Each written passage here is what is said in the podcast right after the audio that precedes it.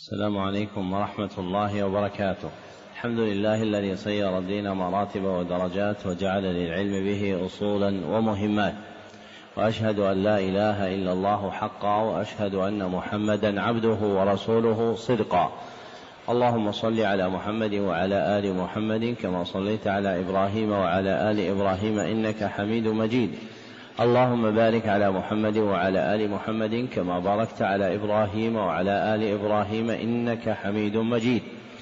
أما بعد فحدثني جماعة من الشيوخ وهو أول حديث سمعته منهم بإسناد كل إلى سفيان بن عيينة عن عمرو بن دينار عن أبي قابوس مولى عبد الله بن عمرو عن عبد الله بن عمرو بن العاص رضي الله عنهما عن رسول الله صلى الله عليه وسلم أنه قال الراحمون يرحمهم الرحمن ارحموا من في الأرض يرحمكم من في السماء.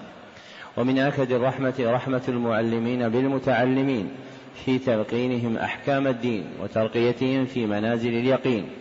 ومن طرائق رحمتهم إيقافهم على مهمات العلم بإقراء أصول المتون وبيان مقاصدها الكلية ومعانيها الإجمالية. ليستفتح بذلك المبتدئون تلقيهم ويجد فيه المتوسطون ما يذكرهم ويطلع منه المنتهون إلى تحقيق مسائل العلم.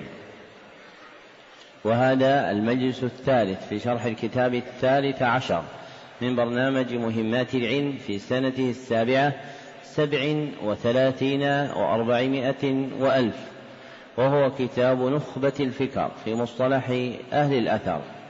للحافظ أحمد بن علي بن حجر العسقلاني المتوفى سنة اثنتين وخمسين وثمانمائة. ويليه المجلس الأول من الكتاب الرابع عشر وهو كتاب الورقات في أصول الفقه للعلامة عبد الملك بن عبد الله بن يوسف الجويني المتوفى سنة ثمان وسبعين وأربعمائة. وقد انتهى بنا البيان في الكتاب الأول إلى قول المصنف وصيغ الأداء سمعت وحدثني إلى آخر هذه الجملة. وذكر فيها المصنف نوعا آخر من أنواع علوم الحديث هو صيغ الأداء وهي الألفاظ المعبر بها الألفاظ المعبر بها بين الرواة عند نقل الحديث. بين الرواة عند نقل الحديث وعدها المصنف ثمانية مراتب الأولى سمعت وحدثني. سمعت وحدثني وهما لمن سمع وحده من لفظ الشيخ. فإن جمع فقال سمعنا وحدثنا فمع غيره. فإن جمع فقال سمعنا وحدثنا فمع غيره. وسمعت وسمعنا هي أرفع صيغ التحديث والثانية أخبرني وقرأت عليه أخبرني وقرأت عليه لمن قرأ بنفسه فإن جمع فقال أخبرنا وقرأنا عليه كانت كالثالثة وهي قرئ عليه وأنا أسمع كانت كالثالثة وهي قرئ عليه وأنا أسمع. فإذا قال الراوي أخبرنا فلان فهو بمنزلة قولي قرئ عليه وأنا أسمع. والرابعة أنبأني والإنباء بمعنى الإخبار. إلا في عرف المتأخرين فهو للإجازة كعن. إلا في عرف المتأخرين فهو للإجازة كعن. والخامسة ناولني واشترطوا في صحة المناولة اقترانها بالإذن بالرواية. واشترطوا في صحة المناولة اقترانها بالإذن بالرواية. وهي أرفع أنواع الإجازة كما ذكر المصنف. والسادسة شافهني وأطلقوا المشافهة في الإجازة المتلفظ بها. وأطلقوا المشافهة في الإجازة المتلفظ بها فإذا أجاز أحد أحدا لفظا لا كتابة قال شافهني والسابعة كتب إلي. وأطلقوا المكاتبة في الإجازة المكتوب بها. والثامنة عن ونحوها كقال وأن. ثم ذكر المصنف حكم عن عن عنة الراوي المعاصر من حيث حملها على الاتصال أو الانقطاع. وتوضيحها أن الراوي المعنعن في روايته عن غيره له حالان أن الراوي المعنعن في روايته عن غيره له حالان. إحداهما أن تكون عنعنته عن غير معاصر له. أن تكون عنعنته عن غير معاصر له. فروايته منقطعة بلا إشكال. فروايته منقطعة بلا إشكال والأخرى أن تكون عنعنته عن معاصر له. أن تكون عنعنته عن معاصر له. فلا يخلو من إحدى حالين. فلا يخلو من إحدى حالين. الأولى أن يكون مدلسا. فهذا يتوقى العلماء عن عنته. وفق مراتب عندهم. وفق مراتب عندهم. لكن عنعنة المدلس ربما أوجبت رد الحديث. لكن عنعنة المدلس ربما أوجبت رد الحديث. فالمدلسون منهم من احتمل المحدثون حديثه فقبلوه ولو عنعنا لقلة تدليسه ومثلوا له بابن شهاب الزهري. والثانية أن يكون بريئا من التدليس. أن يكون بريئا من التدليس. فهذا هو الذي وقع فيه الخلاف الذي ذكره المصنف. فهذا هو الذي وقعه الخلاف وقع فيه الخلاف الذي ذكره المصنف في حكم عنعنته. فقيل تحمل على السماع مطلقا. فقيل تحمل على السماع مطلقا. وقيل يشترط ثبوت لقائهما حقيقة ولو مرة. يشترط ثبوت لقائهما حقيقة ولو مرة أو حكما باعتبار القرائن أو حكما باعتبار القرائن وهو المختار وهو المختار. حقيقة يعني يجزم بأنه لقيه كأن يوجد في حديثه أنه قال مرة أخبرنا فلان أو سمع أخبرنا فلان أو سمعت فلانا أو جاء في قصة ذكر اجتماعه به. أو حكما بالقرائن كأن يكون ابنا مع أبيه. عاصره بضع عشرة سنة. عاصره بضع عشرة سنة. وهما في بيت واحد. فمثل هذه القرينة تعتبر كالحقيقة فيجعل فيحكم له باللقاء. وهذه تعلم من تصرفات المحدثين لا من عباراتهم. وعلم الحديث أحد العلوم التي لا يمهر فيها متعاطيها حتى يمتزج بتصرفات حفاظه. أما مجرد الاطلاع على قواعده دون أن يقوم ويقعد في معرفة الحديث فمنفعته قليلة. وهذه الصيغ التي نثرها المصنف ترجع إلى أصل عند أهل الحديث يسمى طرق التحمل. طرق التحمل. وهي ثمانية. أولها السماع من لفظ الشيخ. السماع من لفظ الشيخ. والصيغ المستعملة للتعبير عنه هي سمعت وحدثني. الصيغ المستعملة للتعبير عنه هو سمعت وحدثني. والثاني القراءة عليه. وتسمى العرض وتسمى العرض. والصيغ المستعملة للتعبير عنها هي أخبرني وقرأت عليه وقرئ عليه وأنا أسمع. هي أخبرني وقرأت عليه وقرئ عليه وأنا أسمع. وكذلك أنبأني عند المتقدمين. وكذلك أنبأني عند المتقدمين. والثالث الإجازة. والصيغ المستعملة للتعبير عنها هي التصريح بها. كأن يقول أجازني فلان بكذا أو أخبرني إجازة ونحوها والمتأخرون يعبرون عنها بعن كما سلف والمتأخرون يعبرون عنها بعن كما سلف والرابع المناولة. والصيغة المستعملة للتعبير عنها هي ناولني. والخامس المكاتبة. والصيغة المستعملة للتعبير عنها هي كتب إلي. والسادس الوصية. والصيغة المستعملة للتعبير عنها هي أوصى إلي فلان. أوصى إلي فلان. والسابع الإعلام. والصيغة المستعملة للتعبير عنها هي أعلمني فلان أعلمني فلان. والثامن الوجادة.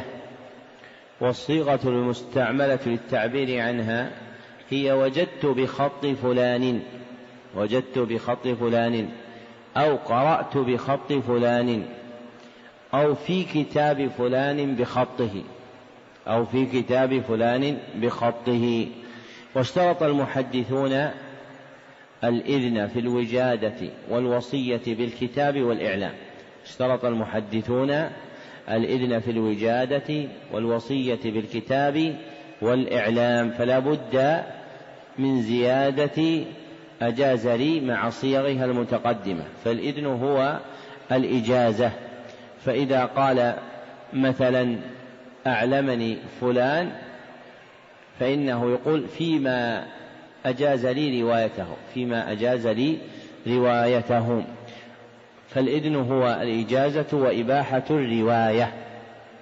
والمراد بالوجادة أن يطلع الراوي أن يطلع الراوي على مروي بخط كاتب يعرفه. أن يطلع الراوي على مروي بخط كاتب يعرفه فيرويه عنه بهذا الطريق دون غيره. فيرويه عنه بهذا الطريق دون غيره. والمراد بالإعلام إخبار الراوي غيره بأن هذا سماعه أو حديثه. إخبار الراوي غيره بأن هذا سماعه أو حديثه. والمراد بالوصية بالكتاب أن يعهد الراوي بسماعه أو حديثه إلى غيره. أن يعهد الراوي بسماعه أو حديثه إلى غيره عند سفره أو موته. عند سفره أو موته. فإن أذن للراوي فيهن صحت له الرواية عن شيخ. فإن, فإن أذن للراوي فيهن صحت له الرواية عن شيخه. وإلا فلا عبرة بها. فإذا أذن له أن يروي عنه ما يجده عنه بخط يعلمه أو أعلمه بذلك أو أوصى إليه بكتبه فاقترنت هؤلاء الثلاث بإذنه وإجازته صحت وإلا فلا عبرة بها. كالإجازة العامة لأهل العصر كأن يقول أجزت لمن أدرك حياتي. أجزت لمن أدرك حياتي. أو الإجازة للمجهول كأن يكون مبهما أو مهملا. كأن يكون مبهما أو مهملا. كأن يقول أجزت رجلا أو أجزت محمدا. فمحمد في المسلمين ملايين فلا يقع على من أراده. أو الإجازة للمعدوم كأن يقول أجزت لمن سيولد لفلان. أجزت لمن سيولد لفلان فكلها لا عبرة بها على الأصح. في جميع ذلك على ما اختاره المصنف فكلها لا عبرة بها على الأصح في جميع ذلك على ما اختاره المصنف. وفيه بحث له محل آخر لكن مما ينبغي أن تعقله أن الرواية في المتأخرين صارت زينة لا تراد لذاتها. فمن البطالة تضيع ما ينفع من الأصول النافعة وتتبعها فإنما يراد منها شرف الاتصال بالنبي صلى الله عليه وسلم وأهل العلم والفضل ممن تقدم تقدمنا. ويحرص ويحرص فيها ملتمس العلم على ما هو أنفع من مجرد الإجازة كالقراءة أو لقي الشيوخ في بلدانهم ومثافنتهم وسماع أخبارهم والاطلاع على تصانيفهم وتصانيف شيوخهم. فمع هذه المقاصد ينتفع الإنسان. فإن قلت هذه المقاصد الحسنة أو عدمت فإنه ربما يندم بعد سنين أصابع فإنه ربما يعض, يعض أصابع أصابعه بعد سنين ولا مندم لأنه ضيع الأصول واشتغل بالفضول. نعم. أحسن الله إليكم. قال رحمه الله ثم الرواة إن اتفقت أسماؤهم وأسماء آبائهم فصاعدا واختلفت أشخاصهم فهو المتفق والمفترق. وإن اتفقت الأسماء خطا واختلفت نطقا فهو المؤتلف والمختلف. وإن اتفقت الأسماء واختلفت الآباء أو بالعكس فهو المتشابه. وكذا إن وقع ذلك الاتفاق في اسم واسم أب والاختلاف في النسبة. ويتركب منه ومما قبله أنواع منها أن يحصل الاتفاق أو الاشتباه إلا في حرف أو حرفين أو بالتقديم والتأخير ونحو ذلك. ذكر المصنف رحمه الله ثلاثة أنواع من أنواع علوم الحديث تتعلق باتفاق أسماء الرواة واختلافها. أولها المتفق والمفترق. المتفق والمفترق وهو ما اتفقت فيه أسماء الرواة ما اتفقت فيه أسماء الرواة وأسماء آبائهم فصاعدا واختلفت أشخاصهم. ما اتفقت فيه أسماء الرواة وأسماء آبائهم واختلفت أشخاصهم. مثلا عمر بن الخطاب ففي الرواة ستة اسمهم عمر بن الخطاب. فالاسم قد اتفق في الاسم واسم الأب وافترق في أشخاصهم. والثاني المؤتلف والمختلف. وهو ما اتفقت فيه الأسماء خطا واختلفت نطقا. ما اتفقت فيه الأسماء خطا واختلفت نطقا كعقيل وعقيد. والثالث المتشابه وهو ما اتفقت فيه الأسماء واختلفت الآباء. ما اتفقت فيه الأسماء واختلفت الآباء أو بالعكس. أو اتفقت فيه الأسماء وأسماء الآباء واختلفت النسبة. أو اتفقت فيه الأسماء وأسماء الآباء واختلفت النسبة. فللمتشابه ثلاث صور. أولها ما اتفقت فيه الأسماء واختلفت الآباء. ما اتفقت فيه الأسماء واختلفت الآباء. والثانية ما اتفقت فيه الآباء واختلفت الأسماء. ما اتفقت فيه الآباء واختلفت الأسماء. والثالث ما اتفقت فيه الأسماء وأسماء الآباء واختلفت النسبة. ما اتفقت فيه الأسماء وأسماء الآباء واختلفت النسبة. ويترتب منه من منه ومما قبله أنواع متعددة باعتبار الاتفاق والاشتباه إلا في حرف أو حرفين أو تقديم وتأخير فمثلا يمكن أن يكون اتفاق في الاسم واسم الأب واسم الجد والاختلاف في النسبة. ويمكن أن يكون الاتفاق في النسبة واسم الجد واسم الأب والافتراق في الاسم. نعم.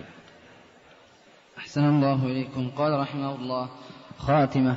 ومن المهم معرفة طبقات الرواة ومواليدهم ووفياتهم وبلدانهم وأحوالهم تعديلا وتجريحا وجهالة وفياتهم ولا وفياتهم؟ وفياتهم. وليس وفياتهم. نعم. أحسن الله إليكم.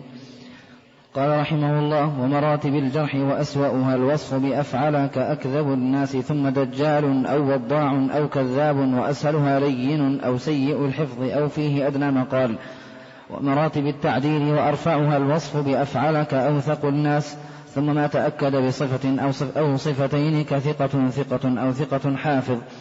وأدناها ما أشعر بالقرب من أسهل التجريح كشيخ وتقبل, وتقبل التزكية من عارف بأسبابها ولو من واحد على الأصح وجرح مقدم على التعديل إن صدر مبينا من عارف بأسبابه فإن خلا عن تعديل قبل مجملا على المختار ومعرفة كن المسمين وأسماء المكنين ومن, ومن اسمه كنيته.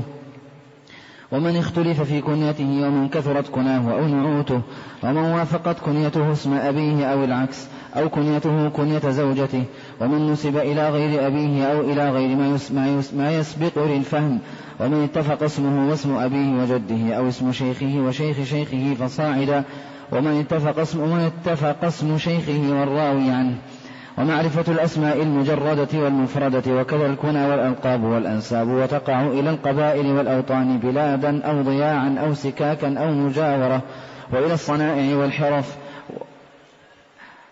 أو ضياعا أو, أو سككا أو مجاورة وإلى الصنائع والحرف ويقع فيها الاتفاق والاشتباه كالأسماء وقد تقع ألقابا ومعرفة أسباب ذلك ومعرفة الموالي من أعلى ومن أسفل بالرق أو بالحلف ومعرفة الإخوة والأخوات ومعرفة آداب الشيخ والطالب وسن التحمل والأداء وصفة كتابة الحديث وعرضه وسماعه وإسماعه والرحلة فيه وتصنيفه وتصنيفه على المسانيد أو الأبواب أو العلل أو الأطراف ومعرفة سبب الحديث وقد صنف فيه بعض شيوخ القاضي أبي يعلى بن فراء.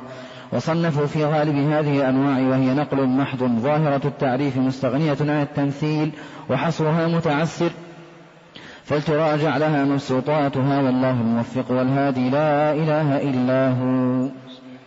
ختم المصنف رحمه الله كتابه بهذه الجملة المنبهة على طائفة من المهمات التي ينبغي للمشتغل بالحديث أن يعتني بها. أولاها طبقات الرواة والمراد بالطبقة قوم من الرواة يجتمعون في سن أو أخ. قوم من الرواة يجتمعون في سن أو أخ. فكل قوم اجتمعوا في أخذ أو سن فهم طبقة. والأخذ لقاء المشايخ وهو الأصل. والأخذ هو لقاء المشايخ وهو الأصل. والسن تابع. فقد يتفاوتون فيه. وللعلماء رحمهم الله طرائق مختلفة في عد طبقات الرواة والثانية مواليدهم أي تاريخ ولادة الرواة والثالثة وفياتهم أي تاريخ موتهم والرابعة بلدانهم التي نزلوا بها بلدانهم التي نزلوا بها. والخامسة أحوالهم أي من جهة العدالة والتجريح والجهالة أي من جهة, جهة العدالة والتجريح والجهالة. ثم ذكر المصنف أربع مسائل تتعلق بالجرح والتعديل. الأولى مراتب الجرح والتعديل واقتصر فيها على ذكر أسوأ, جرح أسوأ مراتب الجرح وأسهلها وما قرب من أولهما وعلى ذكر أرفع مراتب التعديل وأدناها وما قرب من أولهما. ومراتب الجرح هي درجات ما يدل على تضعيف الراوي. هي درجات ما يدل على تضعيف الراوي. ومراتب التعديل هي درجات ما يدل على تقوية الراوي. درجات ما يدل على تقوية الراوي وهذا يشمل الألفاظ وغيرها. يشمل الألفاظ وغيرها كالإشارة وتحميض الوجه ونفض اليدين وإخراج اللسان. وأكثر العلماء اقتصروا في الجرح والتعديل عند ذكر مراتبه على الألفاظ فقط لأنها الأصل في الجرح والتعديل. لأنها الأصل في الجرح والتعديل فهي غالب المعبر به والإشارات مما يعسر ضبط ضبط المراد بها والإشارات مما يعسر ضبط المراد بها.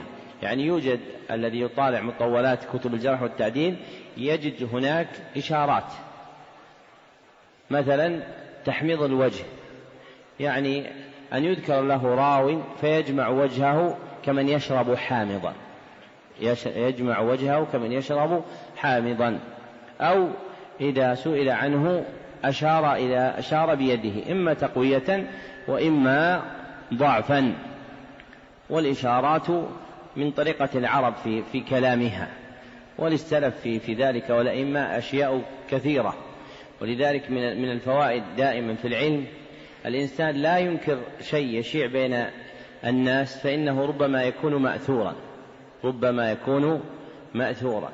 فهذه الإشارة التي عند الناس لاستحسان الشيء جاءت عن الإمام أحمد.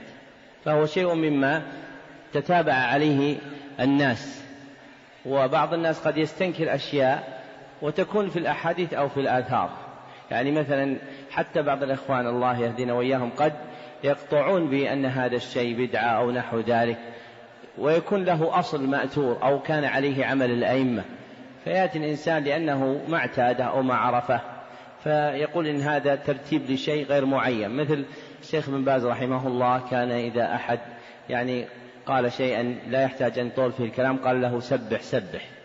فبعض الإخوان يقول هذه لا دليل عليها أنه يأمر سبح سبح. وفي أخبار الإمام أحمد رحمه الله أنه كان يقول ذلك. سبح سبح. فالإنسان محتاج للاطلاع على أحوال السلف. من الصحابة والتابعين وتابع التابعين والأئمة ويحتاج إلى أن ينفق, أن ينفق عمرا مديدا وجدا واجتهادا حتى يطلع على أحوالهم. والمسألة الثانية من تقبل منه التزكية. والتزكية هي الوصف بالجرح أو التعديل. هي الوصف بالجرح أو التعديل. ويسمى الحاكم على الرواة بالجرح والتعديل مزكيا. ويسمى الحاكم على الرواة بالجرح أو التعديل مزكيا أي ناقدا يصف الرواة بالجرح والتعديل. وتقبل التزكية من عارف بأسبابها. وتقبل التزكية من عارف بأسبابها ولو من واحد على الأصح. المسألة الثالثة تعارض الجرح والتعديل. فذكر أن الجرح مقدم على التعديل.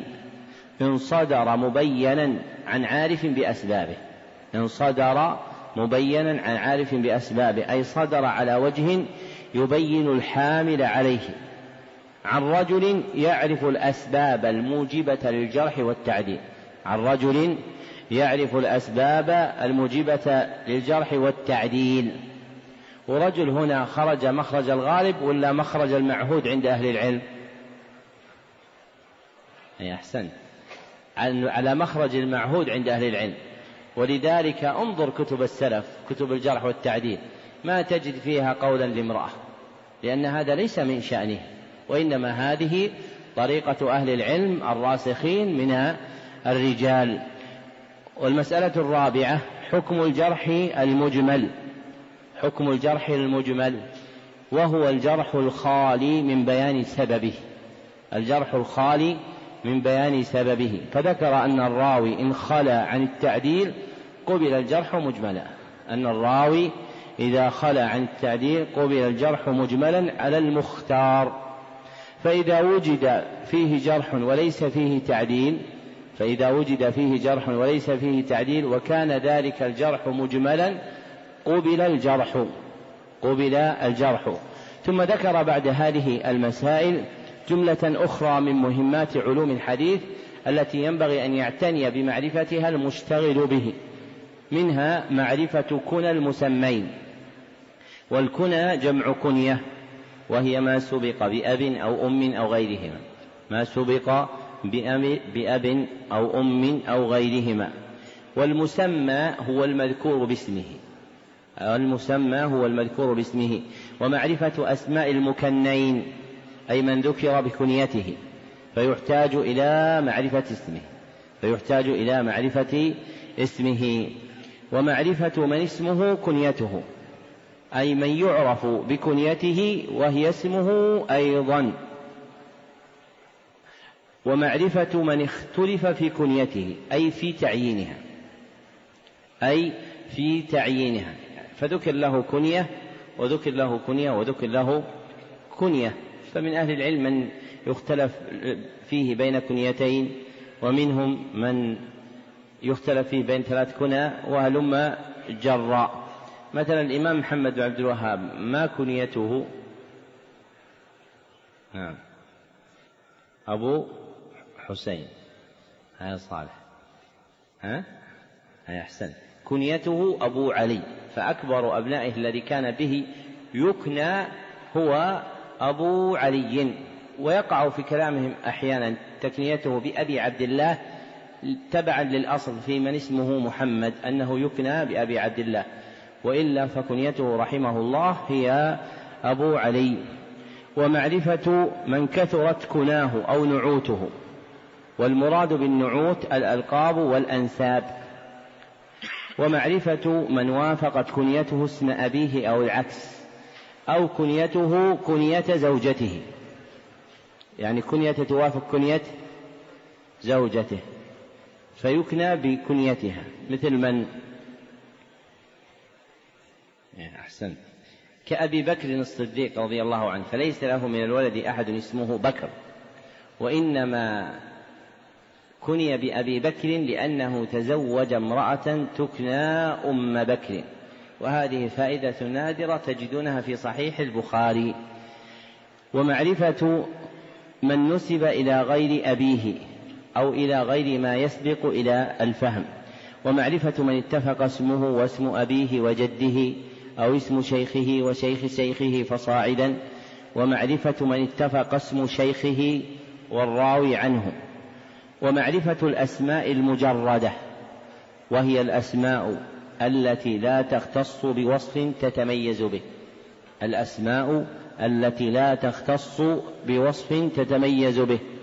ككنية أو لقب بوصف تتميز به ككنية أو لقب فهي باقية أعلاما دالة على أصحابها فهي باقية أعلاما دالة على أصحابها كما وضعت.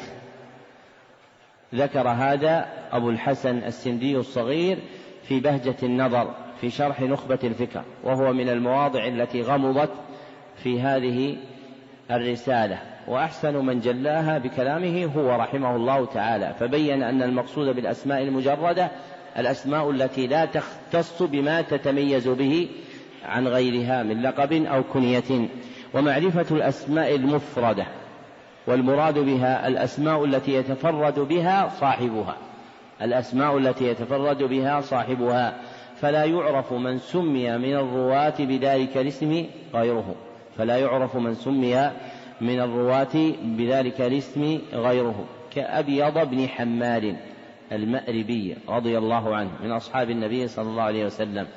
فليس في رواة الكتب الستة من اسمه أبيض سوى هذا الراوي.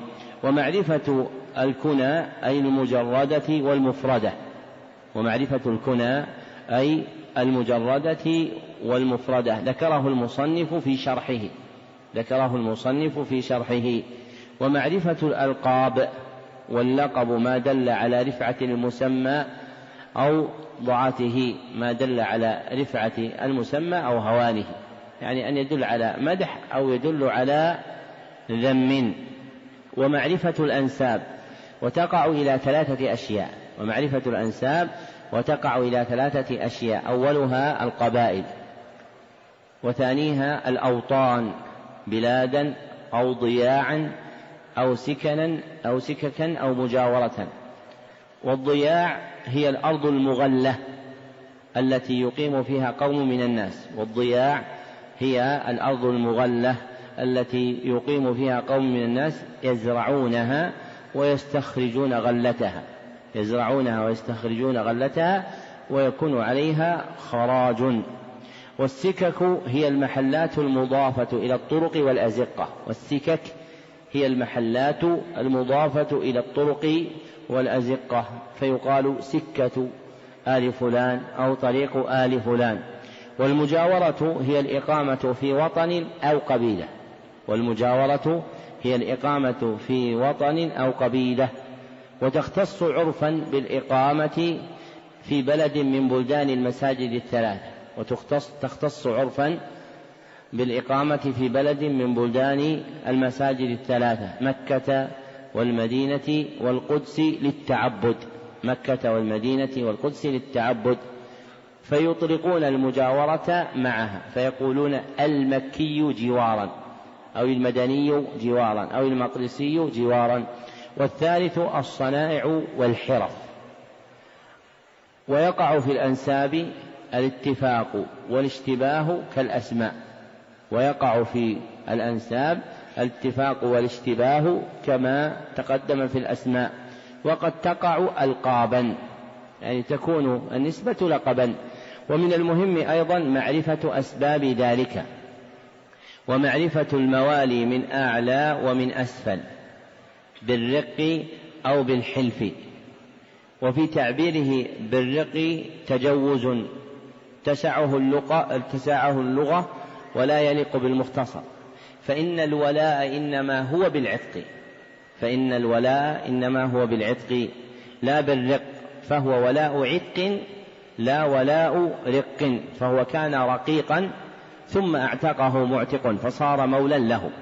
والحلف بكسر الحاء أصله المعاقدة والمعاهدة على التناصر. المعاهدة والمعاقدة على التناصر.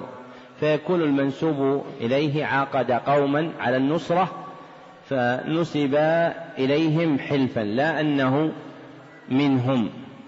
وبقي وراء هذين نوع ثالث وهو ولاء الإسلام ولاء الإسلام. وهو ولاء رجل لمن أسلم على يديه ولاء رجل على لمن أسلم على يديه محبة له. فصارت أنواع الولاء ثلاثة ولاء عتق وولاء حلف وولاء إسلام. جمعهن السيوطي في بيت واحد. فقال هاي خالد. ولا عتاقة ولا حلف ولا عتاقة بدون الهمز لأجل الوزن. ولا عتاقة ولا حلف ولاء إسلام كمثل الجعف. ولا عتاقة ولاء حلف ولاء, ولاء إسلام كمثل الجعف. وأراد بالجعف محمد بن إسماعيل البخاري فإنه نسب جعفيا إلى قبيلة الرجل الذي أسلم على يديه جده وكان اسمه اليمان بن أخنس الجعفي. والمولى من أعلى يراد به مولى القوم يراد به مولى القوم. والمولى من أسفل يراد به مولى المولى والمولى من أعلى يراد به مولى القوم والمولى من أسفل مولى المولى. هذا أصح أقوال أهل العلم في هذا الموضع وبه جزم الشمني الأب في شرح نخبة الفكر وبه جزم الشمني الأب في شرح نخبة الفكر والشمني الابن في شرح نظم أبيه عليها. وعنهما المناوي في المناوي في اليواقيت والدرر. فإذا أعتق قوم مولا لهم ثم ملك ذلك المولى رقيقا ثم اعتقه فإن الذين أعتقهم يقال في حقه هو مولا من أسفل. والمعتق يقال له مولا من أعلى باعتبار أنه كان رقيقا لغيره ثم عتق. ثم ذكر المصنف أنواعا أخرى من علوم الحديث تنبغي معرفتها وهي معرفة الإخوة والأخوات ومعرفة آداب الشيخ والطالب وسن التحمل أي الأخذ عن الشيوخ وسن الأداء أي التحديث بمروياته أي التحديث بمروياته وصفة كتابة الحديث وعرضه وسماعه وإسماعه والرحلة فيه وتصنيفه إما على المسانيد أو الأبواب أو العلل أو الأطراف. ومن المهم أيضا معرفة سبب الحديث وهو سبب صدوره وهو سبب صدوره أي السبب الذي لأجله جاء هذا الحديث عن النبي صلى الله عليه وسلم. أي السبب الذي جاء لأجله هذا الحديث عن النبي صلى الله عليه وسلم.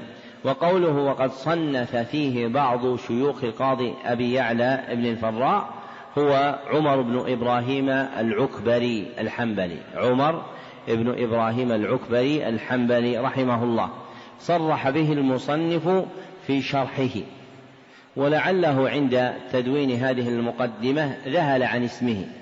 ذهل عن اسمه. ثم أرشد إليه بذكر أحد مشاهير تلاميذه ثم أفصح عنه في شرح هذه النخبة. وهذه الأنواع كما قال المصنف غالبها قد صنف فيها وهي نقل محض أي معتمدة على على النقل وهي نقل محض أي معتمدة على النقل. والمحض هو الخالص والمحض هو الخالص. وبهذا نكون قد فرغنا من معاني هذه الرسالة على ما يناسب المقام.